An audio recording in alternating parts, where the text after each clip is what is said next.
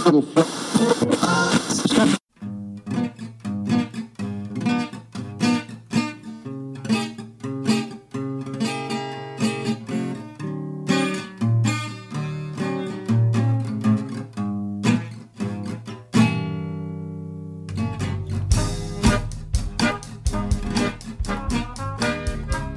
góðan daginn, kæru hlustundur, og verið velkomin í samtal við samfélagið hlaðvarp félagsfræðinar.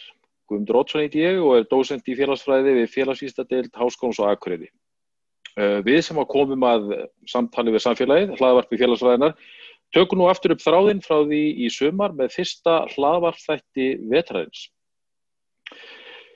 Fátt hefur haft meiri áhrif á daglegt líf okkar vesturlandabúa í setni tíð en stafræna byltingin svo kallaða. Stafrætni tækni hefur fleikt fram og meðal hans fært okkur internetið, snjálfsíma og samfélagsmiðla.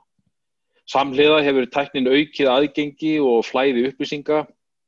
breytti hvernig við eigum samskipti okkar á milli, hvernig við leitum upplýsingum, hvernig skólahaldi er hátt af, hvernig við kaupum í matinn, hvernig við neytum menningarefnis, hvernig fólk haga sér í tilhugalífinu og þá er erfitt að ímynda sér hvernig lífið væri á tímum COVID-19 faraldursins ef ekki væri fyrir Facebook, Snapchat og Netflix. Þá er fíknefnamarkaðurinn gjörbreyttur með tilkomi stafrætnar tækni og aðbróta heiðun almennt, auk þess sem ný aðbrót hafa orðið til með tilkomu stafrætnar tækni. Svona mætti lengi telja, en ljóst er að tilkoma stafrætnar tækni hefur haft heilmart gott í för með sér en einnig ímislegt misjönd. Margir hafa til að mynda áhyggjur af óhóflegri og óæskilegri netnótkun ungs fólks og til að varpa ljósi á netnótkun ungs fólks og ímislegt annað áhugavert hef ég fengið til mín í hlaðvarpið Kjartan Ólafsson, lektor í félagsfræði við félagsvísindadeild Háskólans og Akureyri, en hann stundar einmitt meðal annars rannsóknir á netnótkun barna og úlinga. Vertu velkomi Kjartan. Já, takk að þið verir. Áður en lengra er haldið og ég fer að spyrja þig nánar út í rannsóknir þínar, vil ég byrja þig um að segja mér hvernig það atvekaðist að þú rampaðir á félagsfræðina eða drottningu vísindana eins og August Comte lísti fræðigreininni á sínum tíma. Já, það var nú eiginlega bara hálfgerst svona slís. Hérna, ég uh, sem sé, ég er nú upphæflega mentaður sem rafvirki og hérna, svo... Uh, var ég nú að klára það nám þegar það var erfitt atvinni ástand fyrir innarmenn þannig að ég fekk þess að fluga að fara í háskóla og hérna og þá langt alveg beinast við að fara í bara rammasverkfræðið eitthvað stóleis og ég hérna gafst alveg stórfenglega upp á því. Og þannig að félagsfræði var bara einlega það eina sem að mér skildist að væri til dælu auðvelt að byrja í svona um áramót í HÍ á sínum tíma. Þannig að þetta var einlega bara uh, það sem, það var eiginlega félagsfræðin sem valdi mig frekar heldur en öfugt og, heldur, og, hérna, uh, og ég segi nú stundu við nefnendur ef, ef að hérna eða stúdenda í áskólum ef þau komaður að hérna uh, vera sér illa ef það gangi ekki vel í náminu þá segi ég þeim að ég fjall í tveimu námskeiðum á fyrsta misserinu mínu í félagsfræðinni. Og hérna fannst þetta til að byrja með alveg voðalega vond val en svo náttúrulega bara átt að maður svo því að að til þess að ná árangur í hverju sem er þá þarf maður að leggja pínlítið á sig. Og svo var þetta alltaf skemmtilegra og skemmtilegra til því sem maður hérna, fór að kynast þessum fræða heimi nánar. Einmitt. Ég sé ekki eftir þessu hérna, þessu litla hliðarspori sem er nú búin að taka mig hérna, meir en 20 ár. Já, einmitt, það er sem sagt, þú fersast þá í Háskóla Íslands og, og hvaða ári eru þá talum er þetta? Um, þetta þá vantalega um aldamóti hvað, 99? Þetta er kringum 94 sko. 94, já. Sem sagt, já, ég uh, var að klára, hérna, ég var í framhaldsskóla svona á árunum hérna frá 1990 til 94 og uh, á Akureyri og það var svona í beinti kjölfarið á, á miklum atvinnáttabreitingum hindi bænum þegar hérna sambandsversmiðunar og, og mörg svona stór atvinnu fyrirtæki bænum hafðu hérna uh, lendi í vandraðum uh, vegna breytinga í heiminum og þetta má kannski segja að ég hafi hérna í félagsvæðinu einhvern veginn sko fengið alltaf að sín á þennan, þessar samfélagsbreytingar sem maður sá fyrir augunum sko og að því leti kannski var maður eins og hérna þessir frumkvalar sem að menna Marx eða Durkheim sem að voru að horfa á miklar samfélagsbreytingar og reyna að skilja þeir og hérna þannig að kannski var það sem að svona uh, kveikti í mig þegar ég var komin í háskólan uh, var búin að já þetta voru umrótstímar hérna á Akureyri um, gróin fyrirtæki uh, og ákveð svona, ákveðin stöðuleiki sem hafi verið kannski og sem að á nokkurum árum hérna breytist algjörlega. Al, algjörlega, þetta er þetta ef maður setur þetta í svona stórt svona heimsögulegt e, samengi að þá er þetta yðnað bærin akkurýri hérna, líða undir lok. Að, hérna, og, og, og við erum þetta að tala um bara bara eftir, eftir fall músins og fall sovjetríkjana að, að, hérna, að vesmiðunar og svona er að einmitt fara, fara að fjara taldu undan þeim ekki sett Jú, þetta má kannski sko uh þetta fyrir svona eðnaðastar sem á Íslandi sko, þá eru kannski þessir hérna vatnaskílanarsvegar hérna e, þegar Ísland gekk í efta og voru svona tollabreitingar og svo þessar breytingar sem verða á, á mörguðum sem að hérna hafi verið mikilværi fyrir Íslandinga árum saman, austan tjaldsmarkaðurinn. Um, og það var náttúrulega líka bara svona almennar hérna breytingar í samfélaginu þannig að uh, eins og það voru ekki, hérna, það hefði verið, sko, af akkurir hefði verið byggð skip og hérna smíð húsgögn og, og búin til málning og, og hérna, þannig að það var ekkit, sko, viðsfjari því sem að einhver hljómsveit söngum á miða síðustöld, sko, að hérna, við þurfum ekkert að sækja söður og, og svo framvegis, sko. Já, já. Um, en svo bara allþjóðavæðingin og þetta, þetta, var alltaf að, að gerast þarna fyrir, fyrir, fyrir framann augunámanni og það er þetta að sjá, sko, uh, og það var þetta sjáurinn verið eftirkostin af þessu svona hérna e, í samfélaginu alveg í marga áratíu eftir þannig að til dæmis í atvinnu þáttöku þeirra sem að hafðu haft sem sagt atvinnu tækifæri í þessu ég hef kallað gamla hakkerfi sem var mm. þá að líða til lók og svo sem sagt náðu ekki að fóta sig þegar að þessar breytingar gengu yfir þannig að mm. það var til dæmis uh, mörg ár þarna í kjölfarið gaf maður séð sko lægri atvinnu þáttöku til dæmis í eldri kvenna sem hafðu haft atvinnutækifæri uh, áður en þetta gekk yfir og sem hafðu síðan ekki þegar þetta var búið umgar gengið. Þannig að þú uh, þannig að þín reynsla er ekkert ósipuð margra sko að, að í félagsfræðinu hafi, hafi verið fengið sko hugtökin og kenningarnar sko einmitt svona til þess að henda daldi reyður á þessu og, og skilja betur bæði bara kannski þig sjálfan en líka bara samfélagi sem að þú ert hlut af. Já, ég menna félagsfræðin er alltaf eins og aðrar vísindagreinar sko, ef við hugsaum um þetta eins og hérna jarðvísindi að hérna ef maður ef maður upplifir jarðskjálta og hérna og hefur þá þekkingu sem að jarðvísindin og jarðeðlisfræðin búa til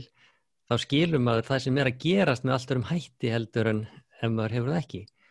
um, og saman náttúrulega með, með félagsfræðina. Ef maður, ef maður hefur þessi þessa tekkingu, þessa, þessar kenningar og þessi hugtök þá hefur samfélag í því kringum en alltaf að merkingu. En þannig að þú fer semst í félagsfræði við, þarna, við HÍ og, og, og, og svo fer þú uh, setna í meistarnám ekki satt? Jú, sko uh, Háskóli Íslands á þessum árum var uh, talsvægt öðruvísi stofnun en kannski hún er í dag og miklu færi nefnendur, okkur fannst það reyndar rosalega stór. Uh, en ætli það ekki verið kringum 7000 háskólanemöndur í HÍ og, og sem var þá nokkund veginn allir háskólanemöndur á landinu. Það var ekkert formlegt mistranam í bóði í félagsvæði en þegar að ég var að klára sagt, uh, bakalarprófið mitt þá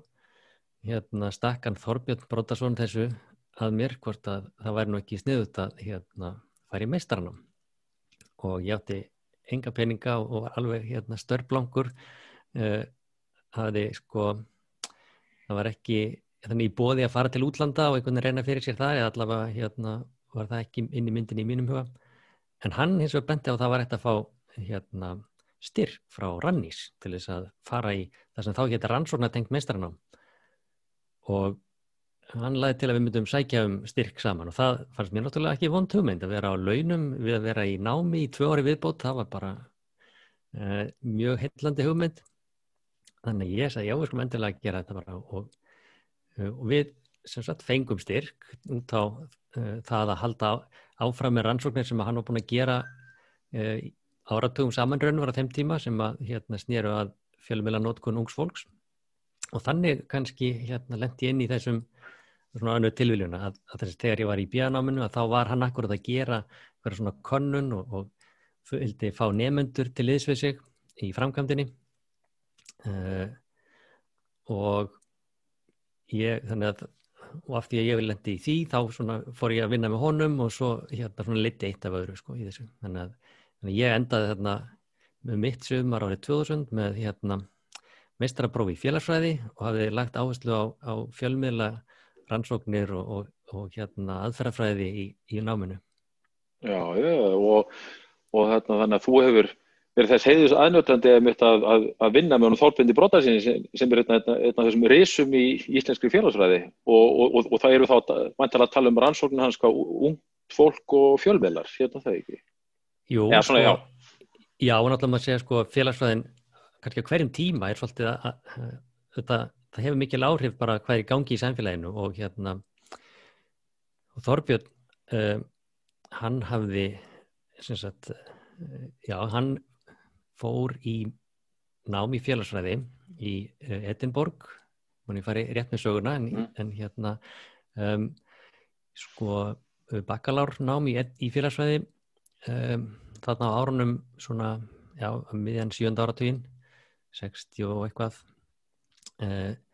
og var að klára það uh, svona um það bíl sem að íslenska sjónvarpið var að hefja útsendingar og, og þetta íslenska sjónvarpið var til í mjög svona sérstöku andrúslotti þar sem að hérna þetta uh, ameríski herin var á landinu uh, og fólk var gæti verið sko stuðningsmenn eða, eða anstæðingar hersins og svo var þessi ameríski herin var með sjónvarpstöð og sem að sendi út hérna á miðniseiði og sem að bara stór hlut til landsmannagat hort á. Þannig að uh, og, og sem sagt þarna alveg fara ofna 1960 þá hérna, var hægt að ná þessum útsendingum bandaríska sjónvarsins bara með þokkalum gæðum í Reykjavík. Og þetta var bara uh, mjög heitt deilumál í samfélaginu. Hvers konar hérna og svo sem við getum alveg séð svona sam, sambærlegar pælingar í dag sko, svona hugmyndir um svona menningarleg áhrif og, og hva, bara hvað þýðir þetta? Það er bara það er bandarist sjónvarp sem er aðgengilegt á Íslandi bara marga marga klukkutíma á dag badnaefni, skemmti þættir allt á ennsku uh, hvað verður um íslenskurna? Hvað verður um menningun okkar? Uh, hérna, hvað áhrif hefur þetta unga fólki okkar að, að sjá þetta efni? Uh, þannig að það er ekkit skrítið að þegar Þorbjörn er síðan, hann fór síðan til Lundar Svíþjóð uh, til þess að fara í meistarnámi félagsræði og það var kannski ekki skrítið að hann myndi fara að skoða akkurat þetta, þetta var bara uh, viðfórsefni sem að kallaði á rannsóknir. Um, og það var náttúrulega kannski líka ákveðin tilviljun en að hérna að í Svíþjóð voru aðlar sem voru tengd, þess að Íslandingar fengur náttúrulega aðstóð hjá sínum norrannu kollegum við að koma upp þessu sjónvarfi, þetta var náttúrulega feikilega dýrt æfindir að koma upp sjónvarstöð á Íslandi. Ekki bara búið til efni heldur líka bara dreifigerfi og allt þetta byggja upp. Uh, sennilega pari við það ef, ef að sagt, interneti væri orðið til í útlandum í dag og við myndum síðan hérna það væri engin infrastruktúr í Íslandi, en, engin ljósleðar að neitt til þess að dreifa þessu. Uh, og þegar Þorbjörn kom til hérna, Svíþjóðar þá er áhugið þar, þannig að fólk veita þessu uh, þar sænska Uh, útvarpið var með svona eins og, eins og allar ríkis hérna, fjölmiðlastöðvar á þeim árum voru með svona rannsóknadeld og þannig að hann komst í sambandi fólk sem var búið að pæli þessu og, og hann hérna náði að gera rannsókn þannig að 1968 sem er algjörlega einstök sko, fór og, og lagði könnun fyrir hérna börn annars vegar á sjónvarsvæðinu Reykjavík og Vestmannegar og eins var á Akureyri sem var ekki með sjónvarp. Og þetta er hérna náttúrulega bara algjörlega einstætt að geta gert þetta á þessum tíma sko í hérna og og veru borið saman bara hvað þýðir þetta fyrir samfélagi þegar það kemur inn svona, svona nýr miðill eins og sjónarbið og, og, og þú sess að þá ferð að hjálpa honum Þorbirni sagt, við svona framhaldsrannsóknir hans þá þarna í þessu rannsóknartengda námi ekki satt? Jú, því að sko, og þetta eins og segir, Þorbjörn er náttúrulega algjör brötriðandi í félagsræði á Íslandi þannig að þegar hann kom frá námi að þá hérna bara tók hann til við það að byggja upp félagsræðin á Íslandi í, í mm. samvinnu vanna gott fólk um, en um, sem sagt hafandi gert þessa rannsóknarna 1968 þá vildi hann auðvitað eins og maður vill oft hérna að það hefur eitthvað breyst? Og, og náttúrulega þannig að þeirra var komið þannig að hann plana alltaf að gera sagt, endur taka konunina á tíu rámalinu það er þá 1978 mm. og það kannski er áhugavert að það var bara svo mikið að gera í að hérna, byggja félagsveðin að hann komst ekki í það fyrir 1979 þannig að það voru 11 ára milli kannana. Uh, en eftir það þá gerðan kannanir á 6 ára fresti þannig að það var þá, hann gerði konun 79 85 91 og 1997 þá er hann að gera konun og þá var ég í hérna, mig í HÍ. Og, og fór að vinna með hann og svo sem sagt uh, og þá komst ég að því að það var til þetta hérna gamla efni frá, alveg frá 1968 þannig að það var meistarverkefni mitt var að, að hérna grafa mig í gegnum þessar gömlu kannanir því að sko, jú þetta sagt, 1968 þá er ekki hérna, já, allir, allir sem er í félagsvísindum það ekki náttúrulega SPSS fóritið en 1968 var hérna ekki hægt að nota tölvutæknið að vinna konum þannig að þetta var fyrst gert á gataspjöldum en svo var enda búið að tölvuvæða svona hluta af þessu en ekki allt. Og ég hafði rosalega mikið náhuga á einni spurningu sem var í þessum konum sem var lauta félagstarfi og ég var virkur í skátarhefingunni og hérna á þessum árum þá var heitasta viðfónsefni kannski okkar svona ungra og upprennandi félagsfræðinga á Íslandi var allt sem að lauta výmöfnuneyslu výmöfnuneysla ungs fólks og þetta var svona hérna mikla pælingar í, í hérna í kringum það. Uh, og gerðar stórmerkilegar rannsóknir hérna hjá því sem að hétt þá rannsóknarstofnun uppeldis og mentamála uh, þar sem var verið að skoða sagt, okay, hvað er það sem að, að skýra sumir, sum ungmenni neyta výmögn og annur ekki? Uh, og þar höfum við hort á íþróttaíðkun sem mikið áhrifamál og hérna en ég hef eins og er alveg óskaplega lítið náttúrulega íþróttum. Eða hérna hef aldrei nokkuð tíman hérna uh, náðu neinum árangur á því sviði. Um, og en ég var aftur um móti hérna, hafði mikið náðu eins og öðru svona tómsundastarfi og hérna, mér fannst að svona annað tómsundastarf væri svolítið svona óbætt hjá gardi í allu þessu dæmi. Og, og þannig að, að það sem að ég fór þá að kafa í hérna uh, 1999 8, já, 1998 til 9 og kláraði þarna árið 2000 var að skoða sagt, þróun í svona félastarfi og frístöndum ungsfólks og þar gæti skoða spurningu úr konunum hans Þorbjörns sem að hafði ekkit verið unnið með. Það er að segja, það var bara svona opinn spurning, stundar við eitthvað félags- og tónlistastarf og hérna, þannig að ég settist bara niður og fór að blada í gegnum því að það voru til sagt, allar kannanirnar bara á, á pappir. Þannig ég byrjaði bara á, á bunkanum frá 1968 og fór að grafi gegnum þetta. Já, já, þannig að má ég að segja sko að áhugi þinn og uh, já, á semst þá uh, fjölmjölanótkun, ungs fólks og, og tengsl við svona ímsaðara uh, hegðun, til dæmis výmöfnanótkun og svona, hún hefði byrjað mjög snemma sko. Já, já, og svo hérna, ég var alveg, uh, ég var líka þessum árum að vinna síðan með fólki sem var að gera þessar stóru unglingaransóknir sko, sem að, hérna, eru gerðar ennanda í dag hérna, þar sem verður að kanna emitt, svona alls konar hluti sem að tengjast velferð ungs fólks og þetta hérna, ég var alveg að kafi þessu og kom hérna, það má kannski segja svona litla hliðarsögu sko, sem að kannski hérna að 1968 sko, þá tók hérna móðið mín þátt í einna af þessum konunum sko og ég vissi ekkert af því. Hérna, hérna áttum ekki því fyrir en ég bara ég var að blaði gegnum hérna spurningalista frá 1968 frá Akureyri eh, og hérna það voru sko nöfn allra sem hafðu tekið þátt í konuninu voru skrifuð á listana. Eh, og ég var svo sem ekki að pæli því og hérna var bara að hóra þessi einu spurningu um tómstastarfið en svo sá ég þarna uh, munstur sem ég hérna vissi að passaði við mammu, ég bara, það er rosalega þetta áhugavert, þessi bara hefur verið ekki akkurat það sama á mamma. Og svo leiti ég upp hérna á blæði, heyrðu, þetta er spurningalisti frá mammu. Já, skemmtileg tilvölu. En, en, en segði mér, nú hefur þú gert alveg óheirilega mikið af rannsóknum og, og, og svona, svona fyrir þá sem að lifa og hrærast í þessum fræða heimi að þá þykir nú voðalega merkilegt ef það er vittnað í, í, í skrifimanns og, og þú ert nú einn af þeim ef maður fer til dæmis inn á Google Scholar og skoða tilvettnanir að þá er þú með sko fleiri þúsund tilvittnanir í, í, í þetta greina sem að þú komið að. Og, og, og margar af þessum greinum snúast að, sagt, að netnótkun ungs fólks, þannig að nú erum við semst aldrei komin frá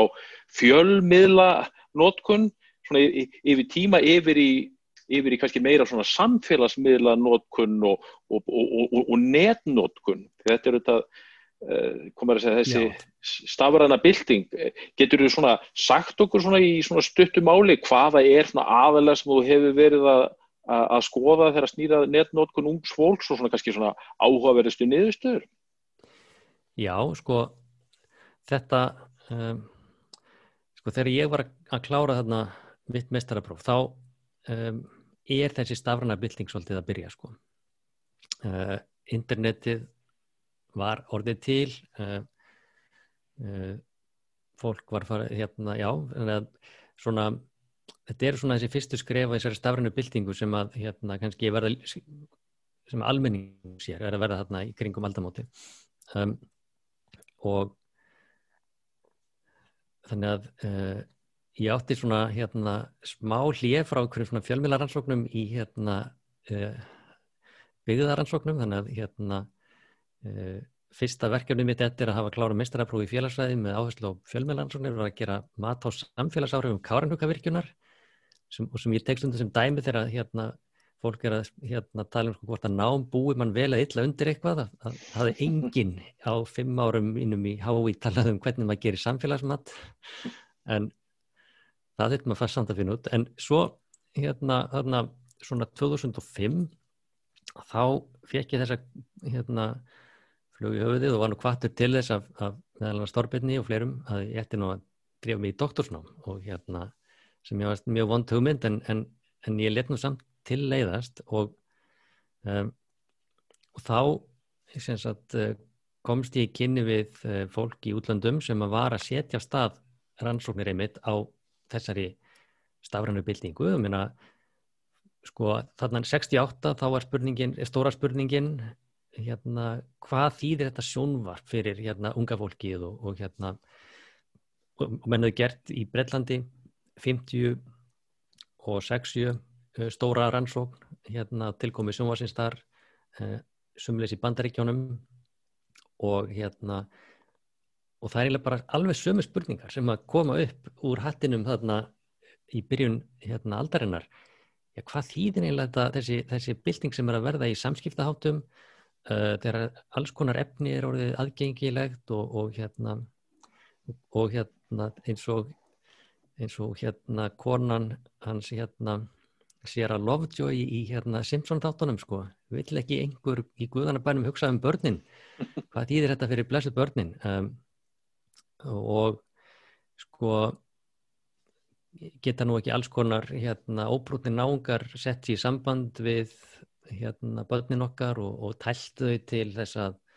hitta sig og, og hérna misnota þau og hérna komið inn hjá þeim einhverjum rangkumundum um, þannig að uh, samfélagi og, og það er sumriðir svolítið áhugavert sko að þarna í upphafi 2001. aldar þá var eins og menn hafði bara glemt öllu sem að var búið að finna út í kringum rannsóknir á sjónvarpinum í kringum rannsóknir á kvíkmyndum uh, hugsa um sko alla umfjöllunina sem sem að var kringum spurninguna hvað áhrif hefur ofbeldisefni í sjónvarpi á hérna samfélagið okkar uh, mun hérna allt þetta ofbeldisefni í sjónvarpi gera okkur ofbeldisfyllri uh, það var hérna og hvað fundum við út svona sem fræðigrein í öllum þeim pælingum. Við fundum út að það að horfa á ofbeldisefni í sjónvarpi gerur okkur eiginlega ekki ofbeldisfyllri heldur sannfærir okkur um að hinnir séu ofbeldisfullir. Þannig að hérna þessu einhvern veginn hérna var öllu sópahöndir teppið og við sem heyrðum nú bara algjörlega ný staða, það er hérna nýjir miðlar og það eru hérna nýjar spurningar og, og hérna við þurfum að e, fara að skoða þetta, þetta er hérna það er alltaf gerast hérna þannig að það voru bara einhvern veginn spennandi tímar og, og e, náttúrulega aðilar eins og hérna já, stjórnvöld við þeim lönd voru hérna til í að setja peninga í rannsóknir. E, fólk var orðið svolítið leitt á þessum hérna výmöfnakönnunum sko. Það var búið að sína fram og það oftar en einu svona oftar en þrís var að hérna hve, hvaða krakkar það eru sem voru líklegust til þess að fara að neyta výmöfna og hérna um, þarna var eins og komið nýtt og spennandi sko. Uh, stafræna bildingin og, og hérna þannig að uh, já ég sem sagt lendi þarna í félagskap við fólk sem að var í samskonar pælingum uh, og það, það líka það hjálpaði til að Evropasambandið var að reyna að sko styðja við svona myndun rannsóknarhópa í álfunni. Þannig að aðstæðuna voru mjög góðar sko til þess að hérna gera eitthvað. Og þannig að það er svona fólk sem að já svona kannski næsta kynsla og undan mér sko sem var svona í, í spísinum þarna fólk sem að uh, var svona búið að eiga kannski 20 ár í bransanum og hérna uh, vil, uh, og, og sem sagt hafði góðar fórsendur til þess að fara að skoða þetta nýja áspennandi sem að hóaði saman fólki og, og ég einhvern veginn bara lendi þarna inn sem hérna einhver leti út á það að vera frá Íslandi sko, það er svolítið hérna þegar maður er að gera svona fjöldhauðlega verkefni þá vantar einhvern frá einhverjum þessu landi og og um, já, það voru ekkert svakalega margir á Íslandi sem hafðu um, klárað mistarapróf, hvað þá doktorspróf í, hérna, í einhverju sem tengdist fjölmjölafræði, þannig að það var kannski ekki mörgum öðrum til að dreifa sko. Nei, nei, en þau þarna, þú ert kannski full hóværi líka sko, að þú ert nú einn heldi tölfræði síðan í landsins þegar það kemur að félagsvísindum, þannig að þau hafa nú verið ansi heppin að fá þig í, í lið með sér. Og þetta var ekkert smá lið sem þú varst að vinna með þarna eða ert að vinna með þarna Sonja Livingstone og, og fleiri sko sem eru þetta bara heims þekktir ansækjendur á, á þessu sviði. Já sko kannski hérna sko kannski gagnaðast að manni að vera eins og Íslandingar eru stundum svolítið svona höfðingjadjarfir sko. Mm. þannig að hérna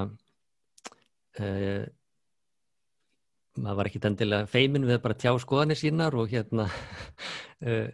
hafa, hérna, já, hafa eitthvað málun að segja. Og hérna var ekki þetta bútt að svo beigja fyrir því þá var einhverjir hérna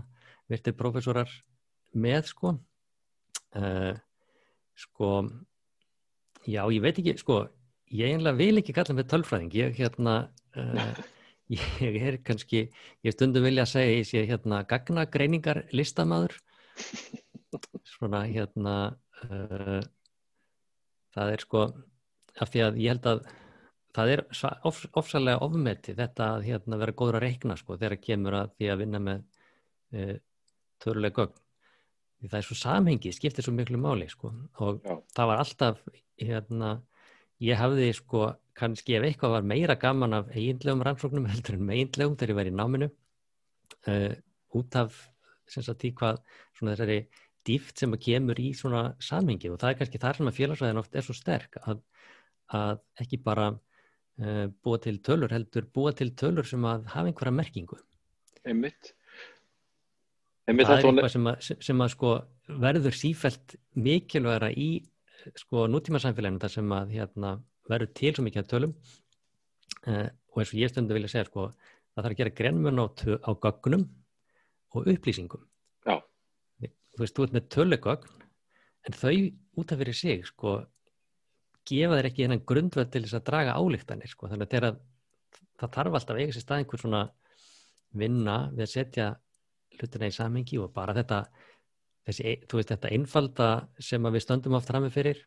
þú veist með hérna fimmpunta svarkvarða og um, það er kannski meiri upplýsingar heldur en sko meiri nákvæmni heldur en uh, eða kannski fimmputakvarinn er ekki hjálplegur til þess að fólk nái því sem er að gerast þannig að þú ferði einfalda sko, draga saman fella saman flokka og svona og hvað þú dregur hérna línuna í standin sko, er það eða þeir sem eru mjög frekarsammála að vera saman í hóp eða við kannski bara vera en þá sem eru mjög sammála eh, þetta er kannski svona virðist vera eitthvað svona algjör hérna neðanmáls ákvörðun en að gera þetta vel er bara það sem gerir greinum og góðri greiningu og, og einhverju sem eru bara tölur sko. Já, já, einmitt þetta er þetta, þetta rannsóknir eru þetta bara þetta samtöl sko, kenninga og, og kenninga og gagna og einmitt að maður þarf að vera að taka upplýstar ákvarðanir um svona aðferðafræðilega atriði sem kannski einhver leikmaður sér sem eitthvað svona bara svona einhverja footnote-skilur en er kannski bara algjör uh, höfuð ákvörðun sko, alveg algjör líkil ákvörðun um, um, um, um niðurstöðu sko. Já, þetta er svona eins og bara þegar hérna, þú veist, ef ert ljósmyndari, þetta er bara að velja sjónarhóllið og, og hérna og öll hérna getum við við vitum alveg sko það er sami atbyrður, tveir ljósmyndarar að taka mynd af sama atbyrði uh, hvað er segja ólíka sögu sko og við, þegar við erum að vinna með gögnun okkar þá erum einhverleiti þú veist, í þessari stöð, við getum ekki breytt myndefninu sem er fyrir framann okkur sko en við getum ráðið sjónarhóttinu og það síðan hérna, einhvern veginn verður svo stór partur af sögunni sem við erum að segja. Einmitt og það er svona, svona mikilvægt að, einmitt að, að, hérna, að, að rannsækjandi séu svona ígrundi þetta mjög vel og séu svona reflexiv skilur einmitt að, einmitt svo þetta sé gert á sem hlutlegast hann hátt.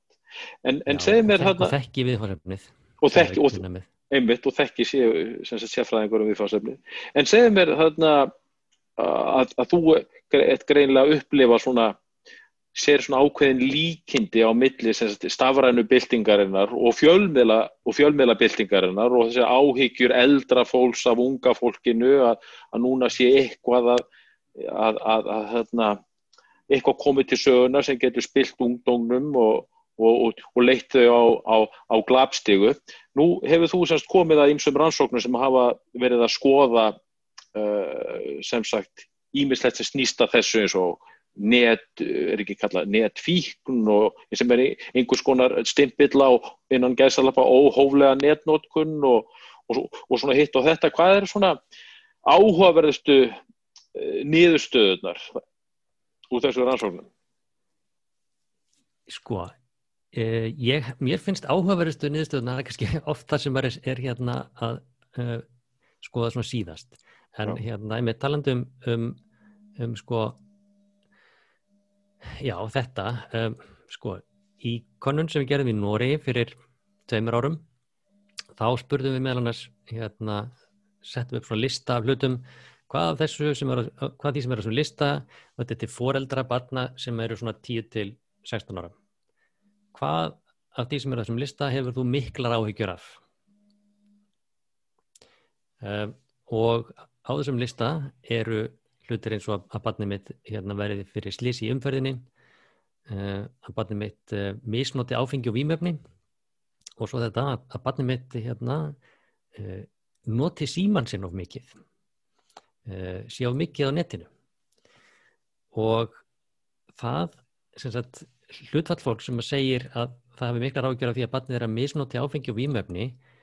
eh, það hlutfall er næstum mælt á fingrum annar handar sko. Uh, meðan aftur á móti uh, þeir sem að hérna, hafa ágjör af því að barnið er að slasist í umferðiði það er meirinn helmingur. Þannig að það er þannig að er svona sko botn, hérna, það sem lendir á botninum barnið mitt misnóti áfengi výmöfni það sem lendir á topnum að verði fyrir umferðslýsi og en hvar lendir það að nota síman sinn of mikið, hvar lendir það í þessu hýrarki sko? Hvort er það nær hérna ágjum af því að barnið mitt verði fyrir umferðslýsi eða misnóti áfengi výmöfni Þetta spyrja mig. Já, það er spurning hvort þú vilt hérna, vera svo frakkur að gíska það kannski svona liggur í því sem ég er að hérna, spurja um að þetta liggur munnær umferðartísinu, það er að segja að það er, mik, það er, það er næstum því jafnátt hlutvall sem að, sem að merkja við það, já ég hef mikla ára að gera þessu. Já. og þá er maður hugsað um sko um, hvernig þetta tengist við hérna, veruleikan sko. Hérna, hvað eru mörg börn sem á hverju ári uh,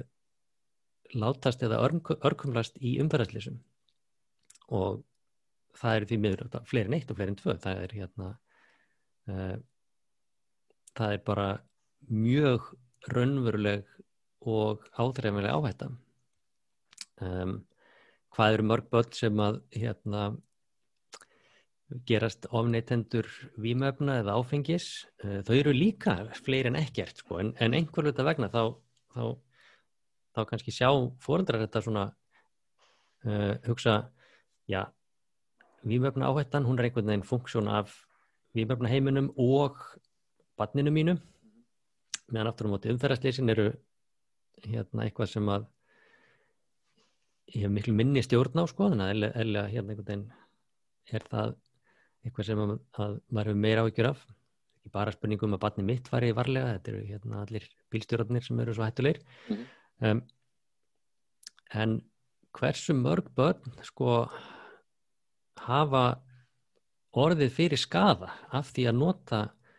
internetið eða nota síman sinn of mikið, Hva, hver er einlega skadin í þessu? Hvað er það sem við erum hrættu við? Um, hvað eru og, og það er kannski það sem að, að hérna, við vorum að byrja að reyna að ná utanum þarna 2000 og kannski 6-7 bara uh, það hafa allir áhyggjur en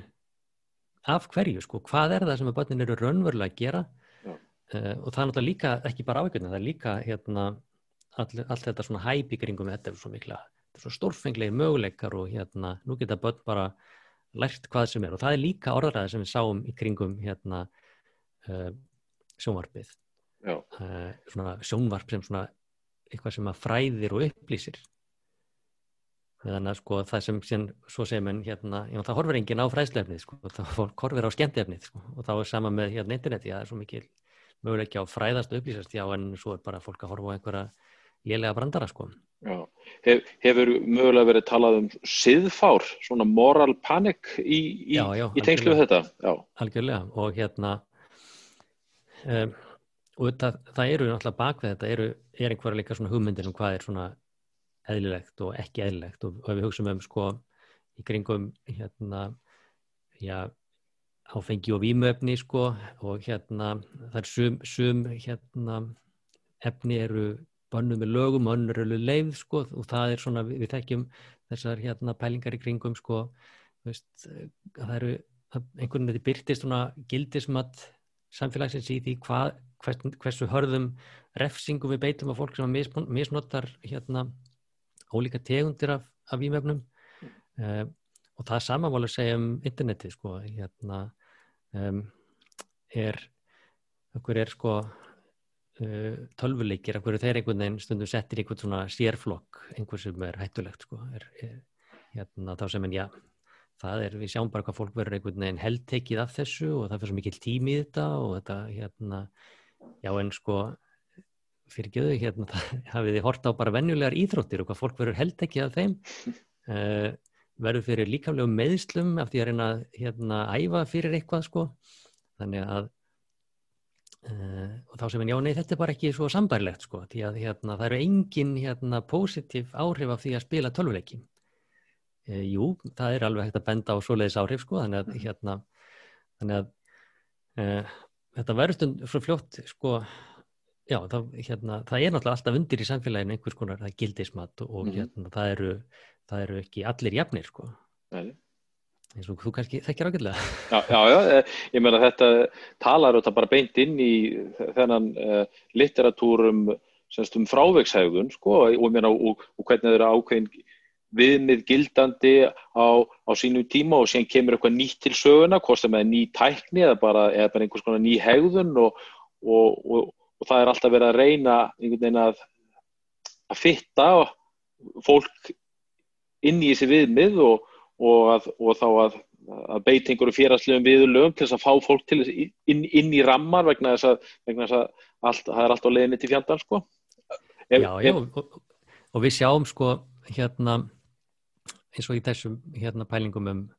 já það er kannski það sem, það sem við gerðum hann að 2006, 2008, 2009 og síðan gerðum við alveg eh, mjög viðmekla kannun 2010 það sem að, sem að gekk út á þetta kortleggja hérna uh, já, bæði tækifæri og möguleg vandamáli, menna reyna bara að svara spurningunni, ok það segja allir að, hérna, að börn sé að verða fyrir einhvers svona rafrænu einelti á netinu, ok, hvað er þetta bara mörg börn og hversu sko hérna því að þú gæst fundið sko í alls konar konunum sko uh, spekulasjónir um sko 5%, 50% eða, eða hvað er þetta mörg börn sem er að horfa á klámfengið efni sko? Uh, hvað er þetta mörg börn sem að hérna eru að setja sér í samband við eitthvað fólk sem að þau hafa ekki hérna hitt áður sko?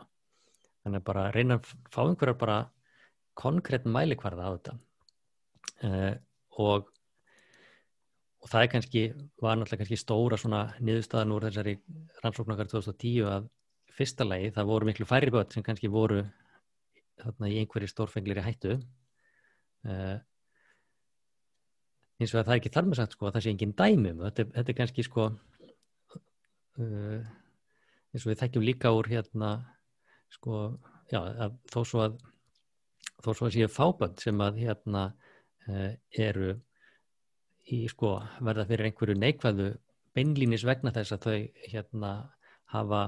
haft þennan vegna þess að internetið til sögunar. Þá er ekki þar með sagt sko að það sé engin partur af sögunni sko. Nei, nei. en einhvern veginn þessi hugmyndum að þetta sé bara svona uh, börn sé bara svona hérna uh, líka bara svona passífir þáttakendur sko. Uh, börn eru náttúrulega þau velja sjálf þau eru svona þau hafa hérna sjálfræði já, sjálfræði og þau, já. það eru þannig að uh, já þetta og síðan sko kannski um, þetta með sko minna á stundum sagt já það er svo uh, allur er varin góður sko þegar það að hérna að vera öllum stundum á netinu það er bara þetta er eins og hérna uh, síkareturreikingar sko við hérna við höldum að það sé eitthvað bóstið því þessu en, en bara setna munum við öll hérna degja vegna þess að við vorum að nota neti svo mikið þegar við vorum lítil sko oh. uh, og svona og, og það gagvart svoleiðis kannski domstagsbám þarf maður að, að svolítið horfa á sko já þetta er kannski ekki alveg sambærilegt sko það er hérna kannski, það er miklu auðveldar að sína fram á mögulega jákvæðar hliðar af því að hafa þessa stafrænu tækni en til dæmis að hafa síkarettur uh, þannig að sko það að vera minna, það að vera ekki tengdur við internetið er einhvern veginn bara í nútíma samfélagi bara eins og vera ekki tengdur við lífið sko.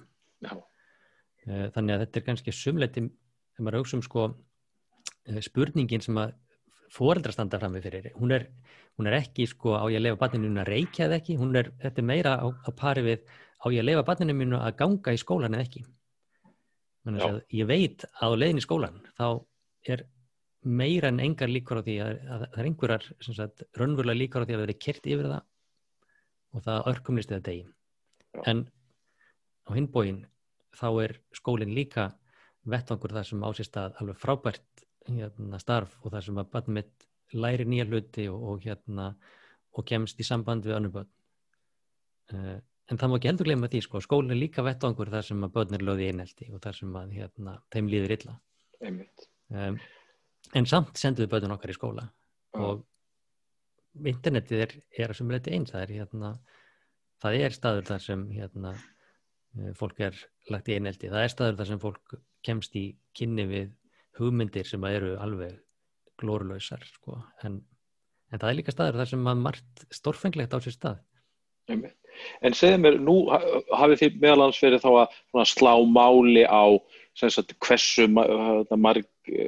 hátt hluthatt barna verður fyrir eh, einelti og, og, og, og síðan hafið ekki líka verið að mæla, skal ég segja þér, uh, hversu laungum tíma krakkar verja á netinu mm. það, það, það, það er eitt sko hvað er verið að horfa á sko veist, þetta sé mögulega óæskilegt efni en síðan er hitt skilur hversu, hversu laungum tíma er varið og, og, og, og þá hafið líka þá mæntalega verið að, að reyna að meta veist, hversu stór hluti barna er þetta sem að, sem að er komin innan gæðsalapa út fyrir öll velsaminsmörk þegar kemur að því að hanga á netinu og, og maður hefur alltaf á tilfinningunni að,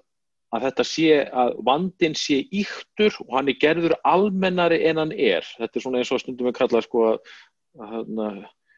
að rónarni komi óorð á brennivinni sko að það sé að vandin sé yktari og gerður almennari. Er, er eitthvað til í því? Algjörlega, algjörlega, það er hérna sko já því miður þá þetta um, það, það sko það eru ímsir uh, sem hafa hagsmunni af því að það sé þannig til staðar vandamál sko. Uh, það er ekkit uh, langt síðan til dæmis að alþjóða helbriðismálastofnunin skilgrendi röskun vegna tölvuleikja spilunar sem, sem sagt, sjúkdóm. Það er að segja að þann fór á, á flokkunarkerfi hú yfir sagt, sjúkdóman. Á þessum lista er, eru alls konar hlutir uh, bæði sjúkdómar en líka sagt, hú býr til þannig lista til þess að reyna að átta sig á því sagt, um, útbreyðsli ímskonar vandamála. Þannig að það er til dæmis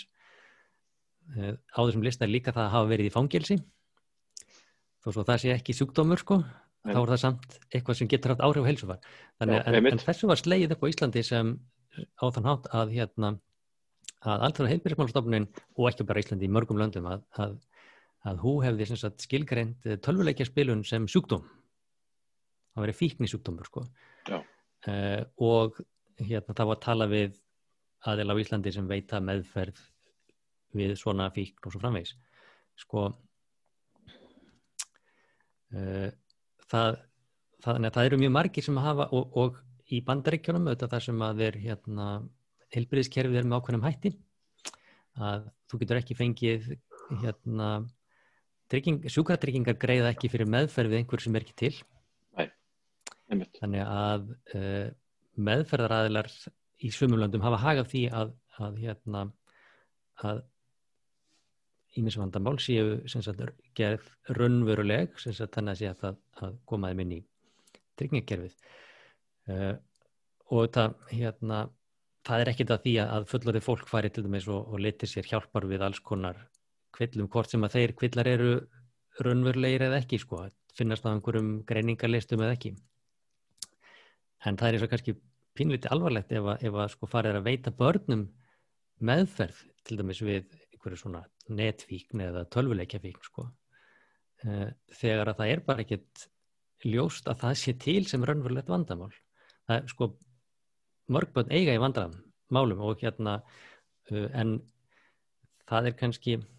því miður oft á tíðum kannski aðri hlutir sem eru undirleikjandi þannig að sko um, fyrir til dæmis foreldra sem að hafa uh, þurft að horfa upp á sín börn uh, lenda í einhverjum hremmingum uh, þá er internetið einhvern veginn það er bara svo það er svo þægilegur hérna, já, sökudólgur eða það er svo, það er, svo, mm. það er þetta miklu miklu um svona betri skýring fyrir mig sem foreldri að segja já, vanninu mínu líður illa vegna þess að það hérna, er í samskiptum við vond fólk á netinu heldur en og vandamálið er að vanninu mitt er í ofmiklum samskiptum á netinu, frekar heldur en vanninu mínu líður illa. Ég veit ekki út af hverju, mögulega vegna þess að ég er ekki hérna, hef ekki góð tengsl við það mögulega vegna þess að, að það er einhverjir það er einhver aðra sjúkdóma sko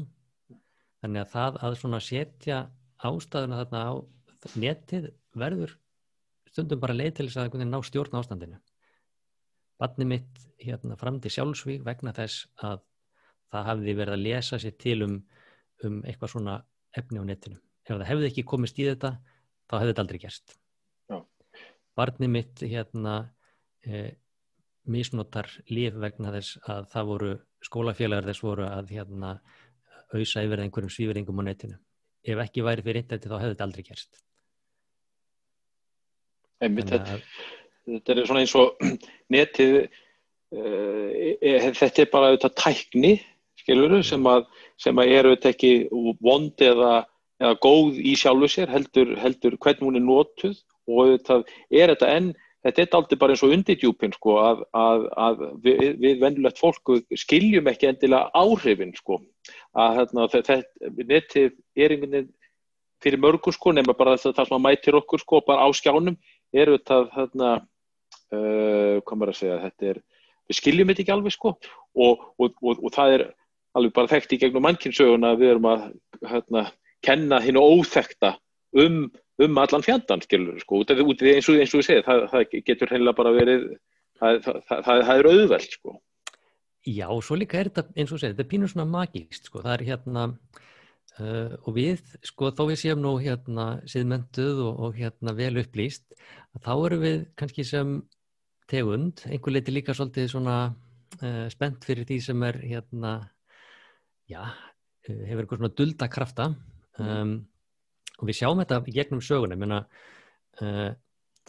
að þú getur barist gegn hérna yllum öflum með því að hafa biblíuna þér í hönd, sko, þetta er þess að þið ritaða orð, það hefur hérna einhvern mátt að rista rúnir. Það er sko,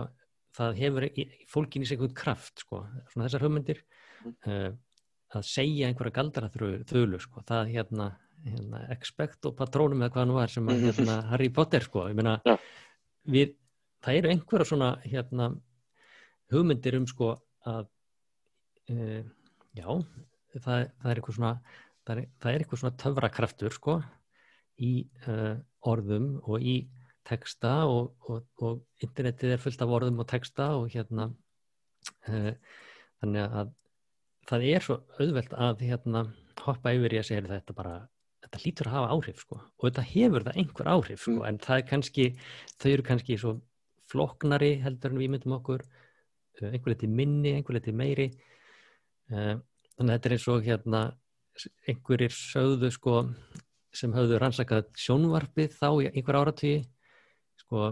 engin sæmilega upplýst manneska getur haldið í fram að sjónvarp sé hann hvort gott eða slæmt fyrir börn. Fyrir sum börn við sumar kringumstæður er sumt sjónvarsefni sennilega eh, óæskilegt fyrir önnur börn við sumu kringumstæður eða sumu börn við aðra kringumstæður geti sama sjónvarsefni mögulega verið jákvætt. Fyrir flest börn við flestar kringumstæður er flest sjónvarsefni sennilega kvorki sérlega jákvægt en ég er sérlega skadilegt Já en, en endanlega svona fyrirvari sem að hérna, fræðmenn vilja setja. En, en auðvitað svona er samfélagi sko. það eru það eru fleiri möguleikar á tengingum er það ekki milli uh, fruma í heilanum okkar heldur en eru sko, stjörnur í alheiminum mm. þannig að halda sko að, að mannlegt samfélagi sé eitthvað einfalt mál og hérna og bara ef þú setur einhver badd fyrir fram að tölvu að það muni verða einhver svona bara bein og fyrirsjámanleg áhrif, það er bara einhvern veginn svo það er bara einhvern veginn svo hérna fyrir mér er það bara par við alltaf því fram að jörðin sé flöt sko og að jæraskjáltar verði þegar að hérna einhver, einhver, einhver þurs hristir okkur sko. Emið En ef við, við hugsaum um þau áhrif sem hefur verið hægt að, að, að sína fram á og núna til dæmis ef við hugsa til uh, bóka og svona sem hafa verið að koma út á síðustu árum eins og þarna einn ein titillinni held ég Alone Together og ég mitt verið að tala um að, að stafræn tækni íti undir ákveðina einangurinn að að, að jafnvel, þótt að við höfum samfélagsmiðla og getum átt þúsund eða tvö þúsund vinni á, á Facebook að þá sem sagt íti þetta undir annars konar samskipti sem eru þá, já það líkur átt jórðana hljóðana þau séu sem sagt yfirborðskendari og, og fólk mm. eigi, þá, eigi þá síður í sagt, samskiptum augliti til auglitis og, og, og að samskiptin sé ekki eins ég kom bara að segja, ekki eins merkingabær, ekki eins, eins djúb. Er, er, er, er eitthvað í þessum litteratúr sem að, nú, nú þetta að vitu að samskiptin hafa breyst, eins og ég sagði hann bara já, sko, þetta er eins og hérna, svo vittnast ég í unga konusengtum nýtti, já, þetta er nú af sem áður var, sko, þegar að hérna, uh, þegar fólk sendir manni allavega SMS, sko, svona eins og þetta, sko, það er hérna, það sem var, sko, það var einhvern veginn, það var alltaf einlægara, það var sannara, um, það að hérna sko öll, öll samskipt að þekna þetta hérna, þetta er og hérna McLuhan sá mikli hérna fjölmila fræðingur eða hérna menningar spekulant sagði sko minna, það er miðillin er hérna skilabóðin semst, uh, sko eins og hann sagði á ennskunni media the extensions of man það er að segja miðlunar samskipt aðferðin sem einhvers svona framlenging á okkar skinnjun og okkar vitund þannig að símtal er ekki sama eins og hérna eh, samtal auðvitað til auðvitað og, og, og bref er ekki sama og hérna símtal þetta eru uh, þetta hefur mismunandi já, það, að, það að taka sama texta og hérna og skrifa niður sko breytir einhvern veginn merkingunni og eins og náttúrulega er grundvallar hugmynd í félagsræðinni um hérna merkingin liggur í svarinu og, og allt það sko. Að, þannig að sko e, þetta er bara þetta er bara eðlis ólíkir tímar sko sem við lifum á. Þannig að einhvern veginn það að segja að þetta var betra sko ég á, ég á rosalega erfitt með það sko. E, já það er örgulega margt fólk sem að upplifir meiri einmannalega í dag heldur en fyrir 20 árum en það er líka öruglega margt fólk sem að hérna, myndi segja að það er jákvæð breyting. Um, ef við hugsaum um börnin uh, sem að hérna, þegar ég var í skóla þá var uh, þá var reykingaplanið það var svona staður þar sem að hérna um, fólk gætt farið sem að kannski hérna þannig að, að ef þú sko varst einmanna þá var þetta alveg svona ákveðin leið til þess að ná einhvern félagslega samskipti að fara að kaupa sér síkaretupakka og standa á reykingaplaninu með hinnum sem reyktum það, það þýtti ákveðin svona hérna, stimplun og þú varst á komin í reykingaliði sko var, hérna, en, en það var líka aðgöngum með ákveðinum samskiptum þannig að hérna uh, börn voru einmanna og þau hérna þeim leið illa og og þau voru áttu félag og ekki félag þegar, þegar ég var ungur sko. þannig að, um, að það að vera með síma þar sem að hérna, vinirðinir eiga möguleika á að eiga samskipti við þið sko. hvað gerir til dæmis að þú flytur milli uh, skólakverfa eða yfir í annað land um, þá sko meina er það, er það neikvægt að þú getur haldið áfram að vera í samskiptum við vinnin á gamla staðnum og þú átt á kannski í minni samskiptum við vinnina á nýja staðnum eða þú átt enga vinni á nýja staðnum um, er það betra eða er það verra? Væri, væri betra bara að taka af þér síman og segja nú bara gleymir þú hérna gamlu vinnunum því að annars myndu ekki eignast neina nýja vinni sko. Já, já, um, þannig að, að þú ert að segja sko eini fast inn í þessu er að það eru breytingar. Já, eini fast inn í þessu breytingar og, og, og við erum mannleg sko, við já. hérna tökum hérna við erum að sko við, við höfum okkar lífi líka oft út frá mjög svona takverkuðum upplýsingum og það er bara eðlert, það er ekki þetta ætlast til þess til þess að foreldra séu bara leggjast einhverja margra mánaða rannsóknarvinnu til þess að ákveða nákvæmlega hvernig þau ætla að hérna, eh, hvaða ramma þau ætla að setja um netnótkun eða tölvunótkun eða bara fremur en aðra svona önnur atriði í, í sínu daglega lífi sko. þannig að við sáum til dæmis í, í það önnur rannsók sem ég var með þar sem vorum að skoða um, hvað sagt, skýrði mismunandi nálganir á fóröldrum, þá vorum svona þá vorum við að meta hvað það er nú svona í hérna uppeldis hérna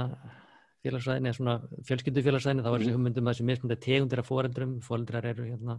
set, veist, setja meira að minna af reglum og nota meira að minna af svona samtali mm. til þess að hérna einhvern veginn ramma inn það sem krakkarnir er að gera og við vorum að finna út okay, hva, hvaða hérna, skýrir það sagt, hversu stífa reglur fólkdrar setja eða hversu mikið þau eru hlutast til um það sem krakkarnir er að gera.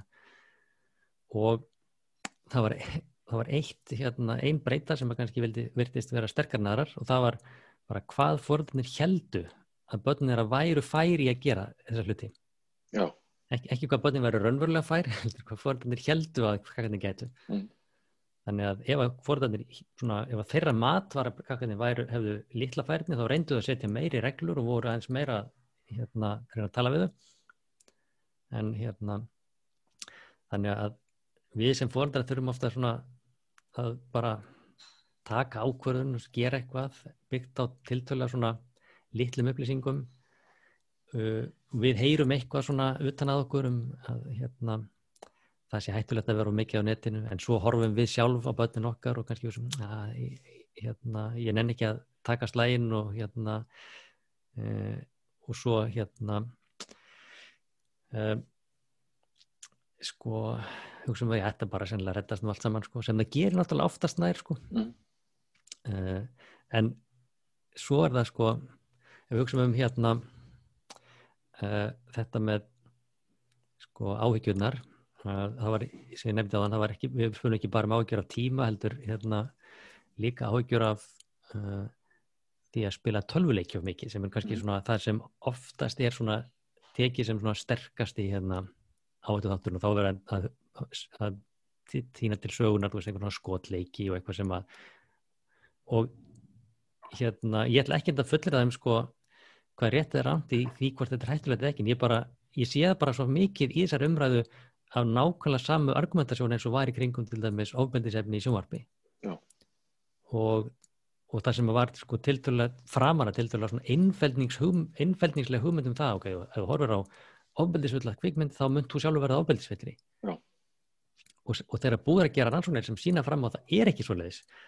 þá er ég ekki tilbúin til þess að kvitt upp á það, já, þú spilar ofbeldisfullan tölvuleik, þá muntu verða ofbeldisfullur. Ég held að sambandi flóknar en það en hérna en við getum eins og séð að hérna tölvuleikirnir, þeir valda fóreldurum áhyggjum og meiri sé fóreldurum sem eiga börn sem spila næstu því enga tölvuleiki sko. Já, Þannig að, einmitt. sko, þetta er einhvern veginn þessi hugmyndum svona ja, fjölmiðlana sem eitthvað svona ytra afl sem getur bara komið inn í okkar líf og einhvern veginn tekið það yfir En segðu mér, svona, þú sem félagsfæðingur og foreldri og svona, er eitthvað við, uh, hvað mér segja, stafræna tækni, svona sem að rannsóknar niðurstöðu benda til að, að fólk ætti að svona, að, að, svona, hafa í huga, kannski ekki endilega hafa áhyggjur af, en, en, en, en er það eitthvað svona sem að, sem að þarna, fó- fólk ætti svona hafa í huga varðandi þegar að vera að setja einhver mörg um, um, um netnótkun? það er bara sko ef ég ætti að gefa fóreldurum eitthvað eitt ráð sko umfram annan, það, bara, það er allt best í hófi sko. Að ef að barnið þetta farið að, að spila á lúður í 8 tíma á dag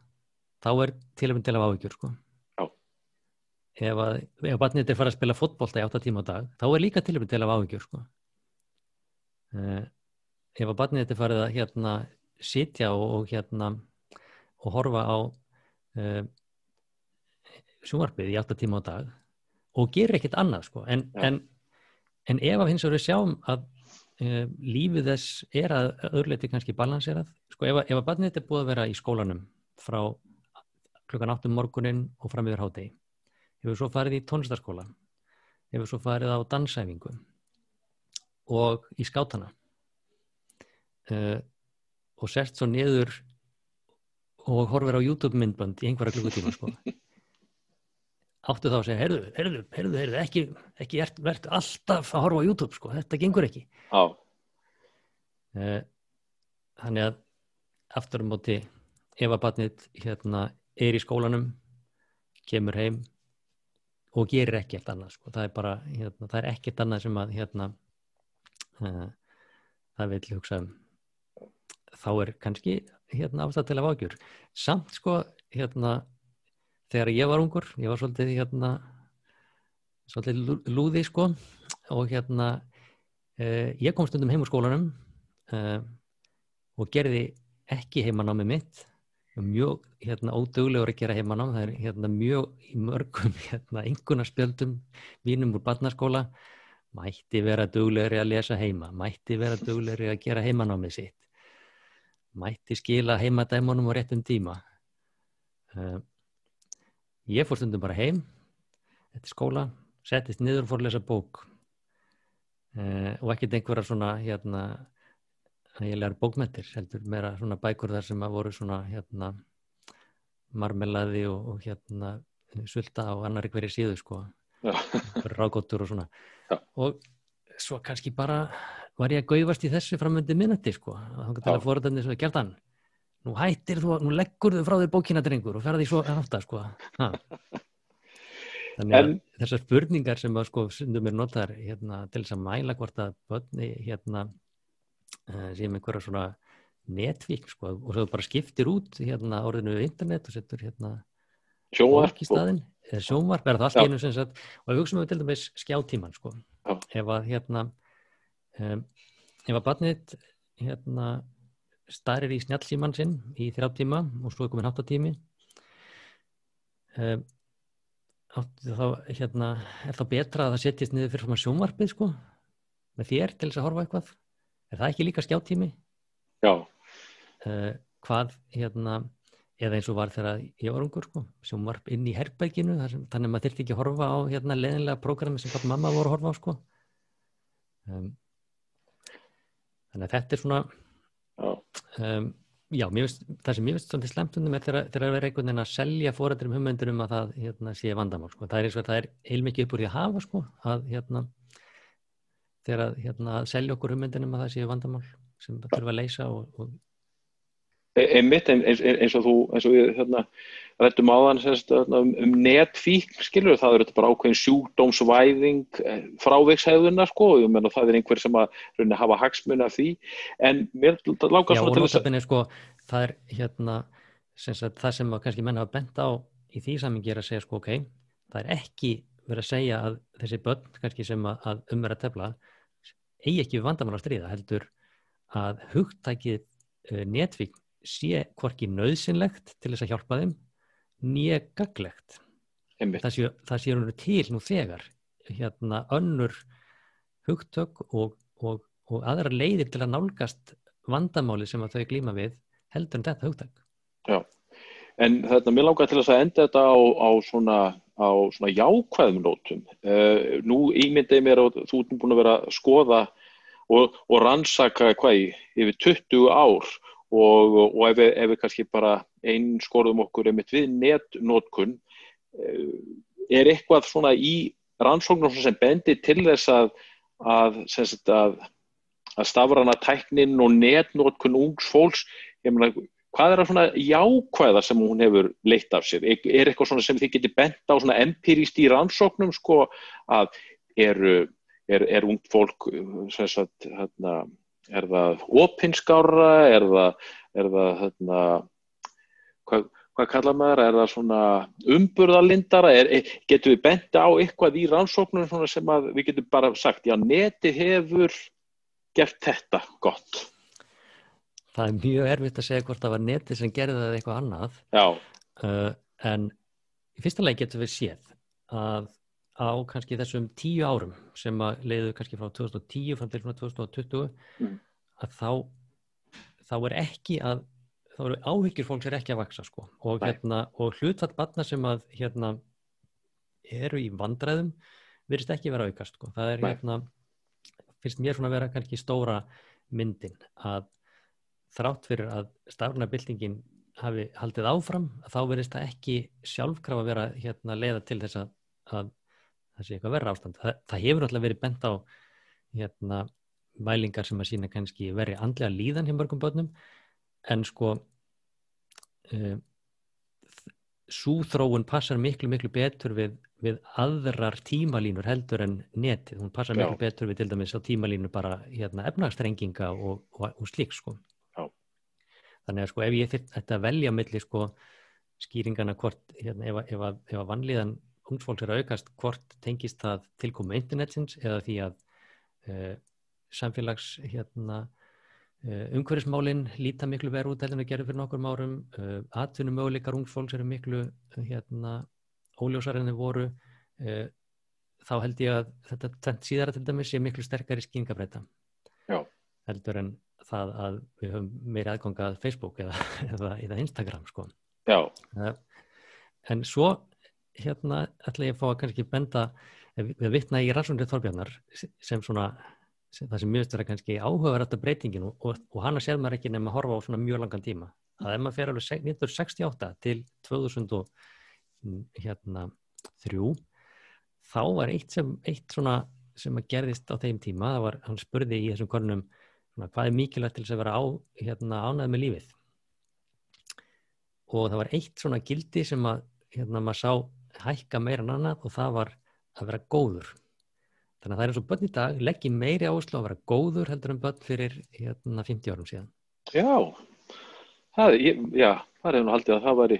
mjög jákvægt já, Þannig að kannski og hérna það er uh, það er fræðmar í bandaríkjónum